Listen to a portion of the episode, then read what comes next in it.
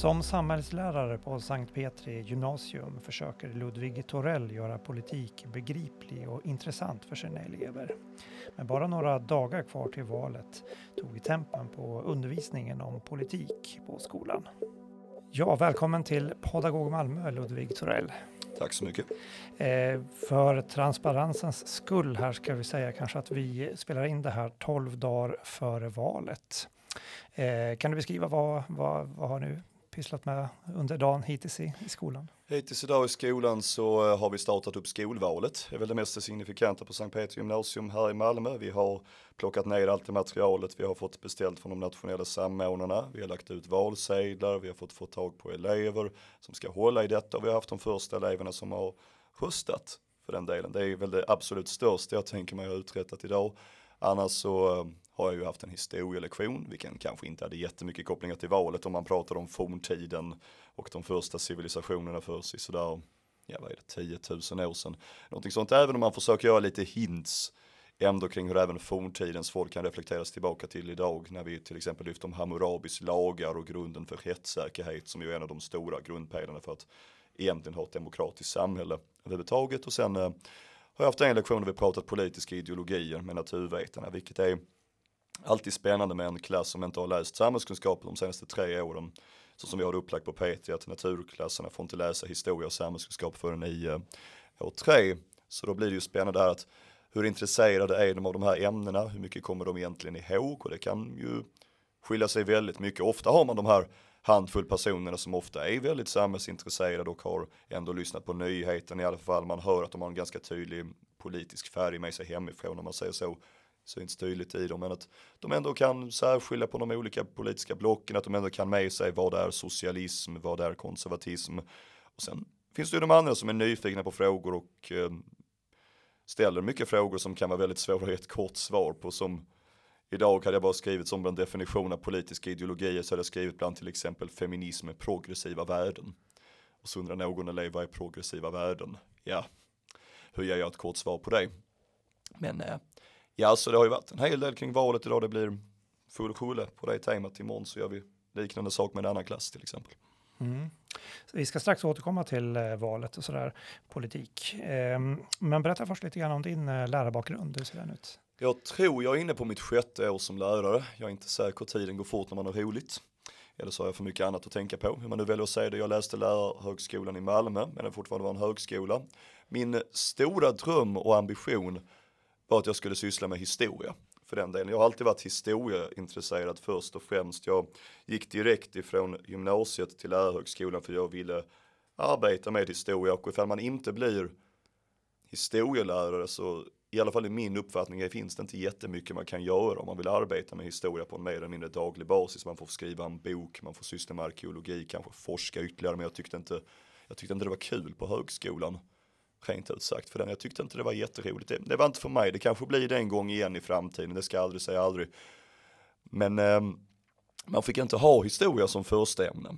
Vilket gjorde mig eh, ledsen. Så då blev det samhällskunskap istället. för att konstaterade att samhällskunskap och historia är ändå besläktade. Och jag kommer från en familj där vi alla har suttit och tittat på nyheterna tillsammans. Så då blev det en naturlig ingång. Jag har eh, kört på det. Sen dess historia och samhällskunskap. Jag har bara varit på Sankt Petri hela min lärargärning. Jag gick egentligen på borgar, vilket en del elever kan tycka är döskoj. Borgar och Petri är lite ärkefiender. Än för att jag brukar berätta att jag har gått på borgar för den sista året som någon form av Grand Supri eller något sånt. Tycker jag är lite kul. Men då brukar jag konstatera det att borgare gav mig inget jobb. Man kan inte leva bara på gammal nostalgi och fiendekänslor. Mm.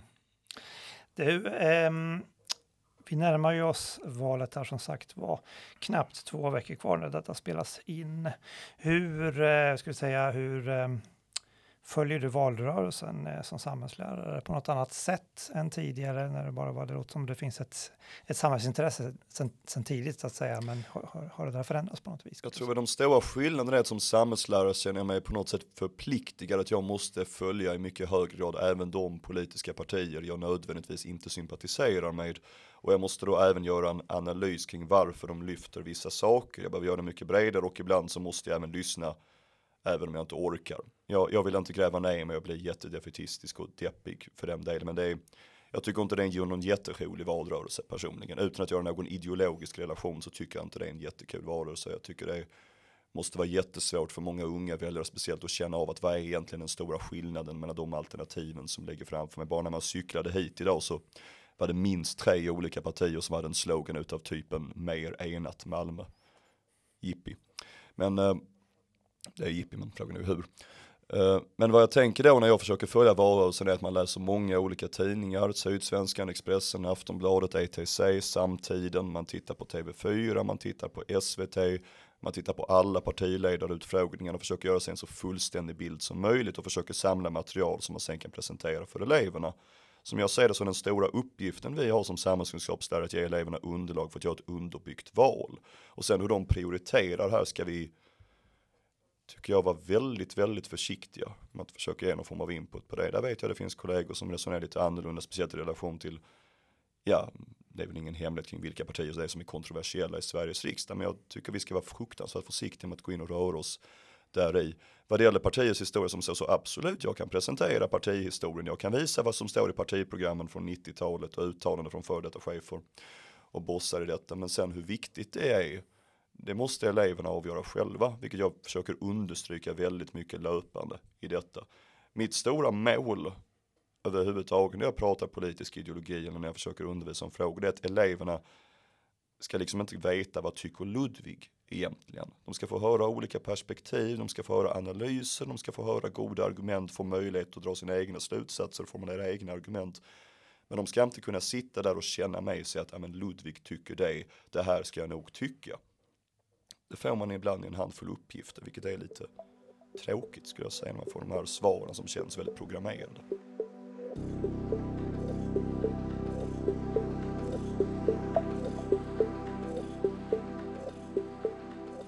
Den här, ja, den här försiktigheten som du ger uttryck för, mm.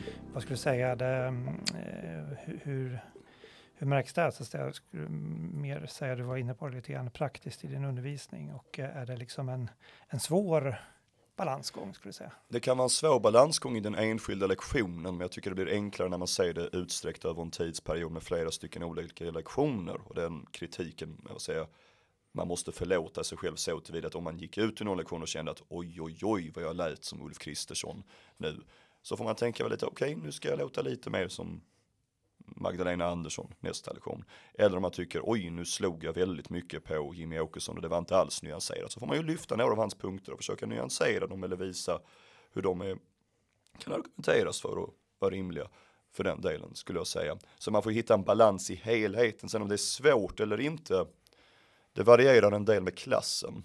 Jag skulle ljuga om jag inte sa att det kunde vara tillfällen då man blir lite påverkad av vad man känner av att det finns för elever i klassrummet. Man försöker givetvis ha en objektiv bild, man försöker vara liksinnig inför andra elever. Sen är det ju ibland det kan vara svårt om man vet med sig till exempel att det sitter tre elever i klassen som är medlem i MUF så kan det ju vara lite halvspännande för ens eget egen höga nöje men även för dem att lyfta vad finns det för kritik mot moderat politik till exempel. Sen tänker jag det också för mig, själv, man ska alltid ha en ledstjärna genom det vi gör att vad är det vi ska stå för ytterst? Finns det några kärnvärden? Finns det några saker vad det gäller till exempel svensk statsskick och regeringsform som vi måste poängtera? Och sen trycker jag även väldigt mycket på det, vad har andra personer sagt för den delen? Vad är rätt eller fel? Vad kan man tycka, tänka olika om? Mm. Och hur skulle du säga, om du ska sammanfatta det, hur ser de här ledstjärnorna ut som du alltid vill ha med dig så att säga? Ledstjärnorna är väl kanske lite grann att visa på olika sidor, visa argument för, visa argument emot, ge någon form av underlag varför du tycker det du tycker. För den delen. Jag, jag säger det väldigt snabbt till eleverna att bara tycka saker det ger er hyfsat lite. Ni måste underbygga det. Varför tycker ni det? Ni måste kunna svara på motorn med att visa förståelse för den här frågan. Man kan få elever både historia och samhällskunskap som tycker, men jag tycker ju jättemycket grejer. Varför får jag så dåligt betyg? Men du har inga argument för det. Du kan inte svara på motargument eller någonting. Du sitter bara och, ja, det bara kommer ut saker, men du har ingen samband de sinsemellan. Det finns ingen underbyggnad för dem. Kritisera alla är väl kanske ett ledord jag försöker ta och om jag nu ska ta något positivt ur denna valrörelse ännu en gång så det är inga svårigheter med att kritisera alla på olika sätt och vis. för den delen vad det gäller delvis uttalanden när man vill föreslå saker som en mängd expertmyndigheter och liknande menar att det här går inte att genomföra eller är djupt problematiskt att genomföra. Eller vad det gäller att man lyfter politiska förslag som man för inte alls länge sedan såg som fullständigt förkastliga. Mm. För den delen. Eh, om man backar lite grann här och kollar på när ungefär bör liksom förbereda eleverna för Eh, det kommande valet och hur ser det ut? Jag skulle säga att det var redan förra terminen med de elever man hade då började man ju prata redan lite grann att snart ska det vara val, vad ska vi göra då, vad ska ni tänka på? Nu har jag bara en klass som jag har följt eh, nu där inne på sista året med dem, samhällskunskap 3, så de läser samhäll 3. Men redan förra året så pratade vi ju lite grann om de ämnena som är valfrågor i år, vad det gäller till exempel terrorism och säkerhet. Det finns ju till exempel som partier med att vi ska tillämpa terrorlagar för att bekämpa gängkriminalitet. Men vi har att man tar fasta på de punkterna vi hade då. Vi har sedan tidigare pratat om demokrati som vi tagit fasta på tidigare och har med oss redan nu. Ännu en gång. Sen så är det ju, förutom det ett innehåll, många förmågor. Jag menar att vi har övat under en längre tid vad det gäller förmågor att kunna formulera argument, att kunna hitta källor, att kunna vara källkritiska, kunna tillämpa teoretiska verktyg på ett material. Vilket ju det vi kommer göra nu till exempel. Vad gäller att, att analysera valmanifest, att tillverka egna valmanifest eller um, att för den delen förstå betydelsen av sociala medier. I valdebatten är det vi kanske arbetar mest med samhällskunskap 3 just nu den medialiserade politiken och hur det politiska samtalet har gått bortom riksdagens hallar och även ut på Twitter, TikTok och liknande forum på både gott och ont för den delen. Där har eleverna onekligen ett försprång. Det är en sån sak jag ibland känner dåligt samvete. Jag borde skaffa TikTok så jag kunde följa med. Mm. Eh, om vi ska ta också lite grann här eh, exempel. Det brukar ha som en övningar i början som jag förstår det. Där, där du har som mål att visa att politik mm. handlar om väldigt konkreta saker. Mm. Kan du berätta om hur, hur kan en sån den här första övningen jag brukar köra i alla samhällskunskapsklasser, det är oavsett om man kör det med en turvetare som läser samhäll första gången på tre år eller om det är samhällsvetare som nyligen har läst samhällskunskap. Det är att eleverna får leva sig in i det att vi sitter på ett flygplan och det planet kraschar på en öde ö. Och därefter måste eleverna ta ställning till vad är de fem viktigaste besluten ni ska fatta nu. Och utifrån elevernas synpunkter kan man väldigt snabbt problematisera deras tankar och visa lite grann på att den här ön som ni ska skapa, det är egentligen ett samhälle. Och de många av de utmaningarna ni kommer stå inför på den här ön, det är samma utmaningar som vi står inför även i Sverige. Och hur vi ska lösa de utmaningarna är i grund och botten vad det här valet handlar om. Och det är, är ju tänkt för mig framförallt att visa att politik är väldigt, väldigt konkret. Speciellt om man har elever som hör termen politik och sen eh, blir deprimerad och vill gå och lägga sig någonstans. Eller om man hör elever som hör termen politik och tycker det är jätte, jätteklyddigt. Vad är det för någonting? Ja men det finns konservativa och liberaler, nationalister, feminister. Jag vet inte vem som är vem, jag vet inte vad jag ska ta vägen.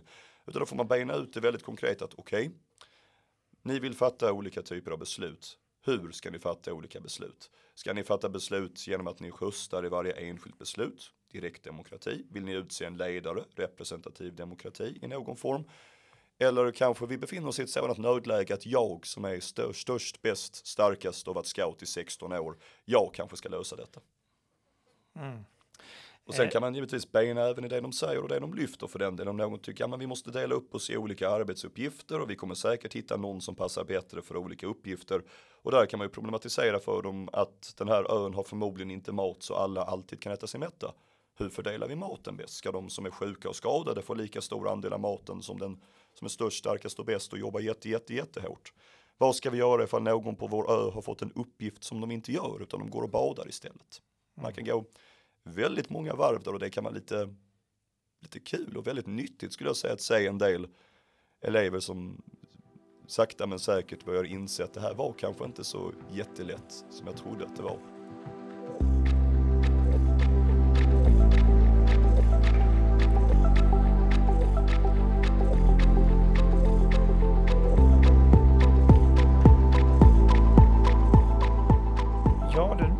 Ju elever som snart kommer få rösta själva och så där. Hur ser du på, vi har delvis varit inne på det lite grann, din, din, din viktigaste uppgift som, eller vad du, vad du kan ge dem som samhällslärare? Mm. Vad jag måste ge dem är ju en förståelse för vad är det ni överhuvudtaget röstar till, vilka är de olika valen ni röstar till Vad gör det för skillnad beroende på vad det är ni vill påverka för någonting? Tycker ni att sjukvården är jättedålig? Tycker ni att socialtjänsten, äldrevården behöver mer resurser?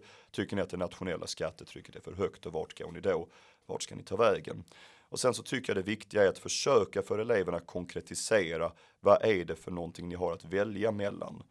Ett problem med den här valrörelsen, jag kan tänka mig att många unga personer har haft, är att det har varit svårt att se var går de tydliga skiljelinjerna mellan partierna. Om vi tar till exempel eh, gängkriminalitet, hårdare straff. Vem vill inte ha hårdare straff? Det är inte många som inte har lyft hårdare straff i den här valrörelsen. Utan då får man försöka hitta andra saker och bena ut och göra det tydligt för eleverna. Vad är den grundläggande ideologin då? Hur har det politiska mm, spelet, om man säger så, fungerat den senaste perioden? Så varför har olika partier inte gjort det de egentligen skulle vilja göra rent ideologiskt? Det blir till viss mån en uppgift att förenkla och konkretisera det för eleverna så de vet med sig att ni har ändå olika saker att välja på. Om ingenting annat som jag sa till min naturklass nu, så även om ni tycker det är jättesvårt och ni är osäkra på sakfrågor, ni inte riktigt vet vad de tar vägen, så i, partierna har ändå någon form av ideologisk identitet. I vissa mer uttalad än annan. Och den ideologiska identiteten kommer att skikta vårt samhälle i ett visst håll.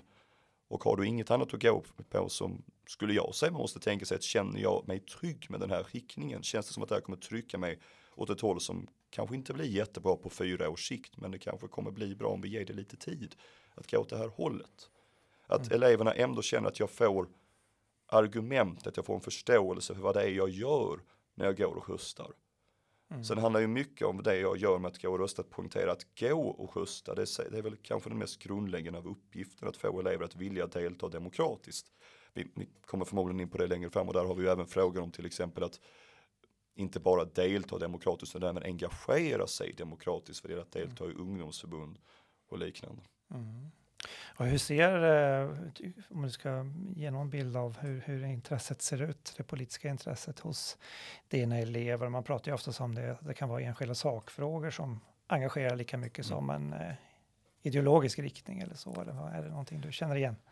Jag skulle säga att det är inte många elever som ger uttryck för att de är ideologiskt övertygade skulle säga det stora hela. Det är ovanligt att elever i alla fall öppet i någon av mina klasser är medlemmar i ett politiskt ungdomsförbund och ungdomsförbunden säger ju själva att de har svårt att rekrytera det.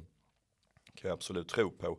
Men som du själv är inne på, ungdomar nu för tiden som inte vill köpa ett helt politiskt paket eller om det har att göra med att man tycker det är obehagligt att ta ställning väldigt öppet i olika politiska frågor. Det kan absolut vara en förklaring jag kan köpa.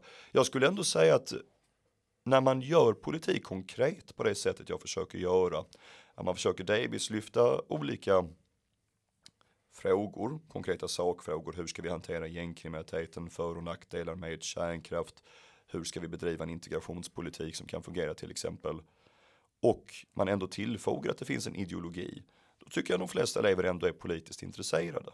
Sen ska man ju Sen ska jag ju, har jag väl lite lyxen kanske det att jag går på en skola, att jag arbetar på en skola med mycket höga inträdespoäng.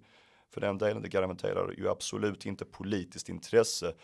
Men det ger ju ändå intryck på något sätt att man vill visa intresse för ämnet, om inget annat för det, att då får jag högre betyg i ämnet, om man ska vara krass för den delen. Sen vill jag ju väldigt gärna tro att det här intresset, läsandet, kommer utav mer än bara en önskan om att uh, visa sig duktig och få ett högt betyg i slutändan. Mm. Det är en del elever som min natur blir lite småfrustrerad över som sagt är att du kan inte bara tycka, du måste förklara. Hur, varför, förstår du vad det är du menar med detta?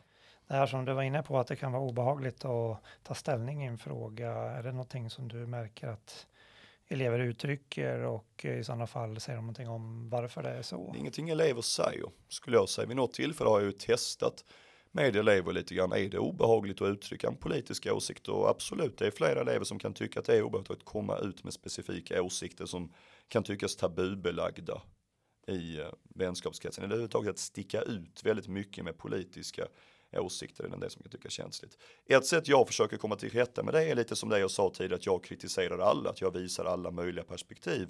Så att en elev inte ska sitta och tycka men ingen tycker som jag för den delen. Jag hör inte hemma att, ja men jo, absolut, tyck du detta om du tycker att hårdare straff kommer skapa bättre, absolut, förklara hur, varför, jag köper vad du säger.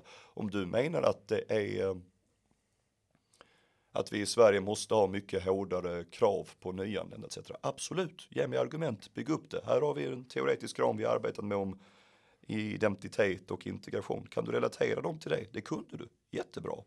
För den delen. Mm. Där man är väldigt tydlig med eleverna genomgå att ni får lov att tycka och tänka, säga saker.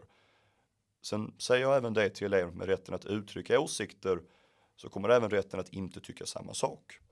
För den delen. Mm. Jag kan ställa en motfråga, inte för att jag nödvändigtvis vill sätta er på plats, utan för jag är nyfiken för just, förstår du verkligen? Mm. Just det. Eh, de politiska partierna då har ju fått nej till att stå med sina bokbord i skolan. Det är inget, ingenting som är unikt för Petri och sådär. Hur ser du på det här, så att säga? Vad ser man på? Man har ju sett, man har haft farhågor för det här. Hur ser du på det kontra liksom de eventuella vinsterna som skulle finnas att ha politiska partierna eh, representerade på det sättet i skolan? Ja. Vårt beslut grundar sig i ganska hög grad i det rent praktiska i svårigheter att se till att alla partier verkligen kommer in med detta. Vi har en lag att förhålla oss till med vilket alla partier ska få lika möjligheter att uttrycka sina åsikter in i skolan. Vi måste ha en objektiv grund utifrån vilken vi tillåter partier eller för den delen avvisa partier. Vi har då utgått ifrån vilka partier är invalda i Sveriges riksdag. För den delen har vi sett som det enklaste. Det med Malmö som vi bor i så hade det inte gjort jättestor skillnad om vi tog kommunen istället. Undantaget att KD hade försvunnit från den här leken. Det jag kan se som stora nackdelar som lite gör mig fundersam är att vi kanske missar det att eleverna har en dialog med de som är politiskt engagerade. Att de har en dialog i det att de kan ställa djupare frågor om det är någonting de inte tycker de fått svar på eller någonting de inte begriper. Eller om inte annat är att de får träffa en annan människa för den eller får ett ansikte på en politisk ideologi och färg. Det kan mycket väl få ett ansikte även på en ideologi de inte nödvändigtvis sympatiserar med. Även om jag vet med mig och ett av argumenten för att vi inte har bok på det att de här mötena blir inte alltid så konstruktiva som man hade velat att de skulle bli. Utan det finns tillfällen då det har slutat med att en mängd elever har bestämt sig för att gå till något av partiernas bord och där har det utbrutit, vad ska vi kalla det för, en inte konstruktiv utan tvärtom snarare väldigt destruktiv politisk stämning av eh, oro och liknande. Och eftersom vi befinner oss i en skola där elever har lektioner så alla sådana här moment och saker omkring när man tar in gäster och liknande i skolan, de ska befinna sig där en längre tid. Det kommer ju få påverkan på resten av skoldagen och på andra ämnen. Det är en praktisk avvägning som jag absolut förstår är svår. Det är det vi har haft lite i åtanke bland annat. Det här, hur skulle man praktiskt organisera att alla partier som vill kan kommer in i skolan och har bokbord för den delen. Mm. Hur gör vi det på bästa sätt? Hur gör vi att eleverna även för den delen tar del av fler bokbord än nödvändigtvis de de håller med eller de de absolut inte gillar? Hur gör vi att elever faktiskt kommer gå och prata med personer vid dessa bokbord? Mm. Där är lite olika variabler men jag är jag är kanske inte lika säker nu som jag var när valrörelsen började på att det är 100% rätt att inte ha inne partierna. Ja, man kunde nog problematisera det lite vidare. Det finns ja, goda skäl och jag tror att det konceptet vi kör på med att vi kommer att inbjuda partier till debatter med alla företag kommer att bli bra. Det gör jag.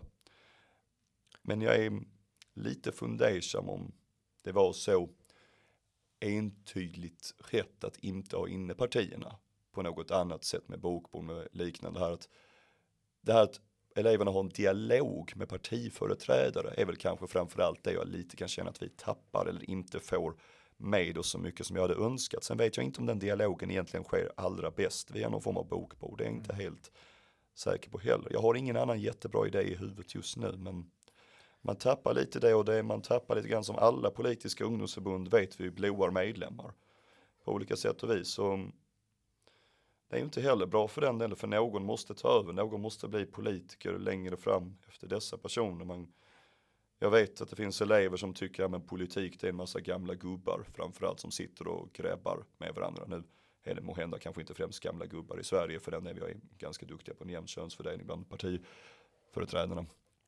Åtminstone på högersikt partiledare och liknande. Men, men ändå att eleverna inte säger sig själva bland dessa människor. Det det undrar jag lite ifall vi inte kunde fångat upp det bättre.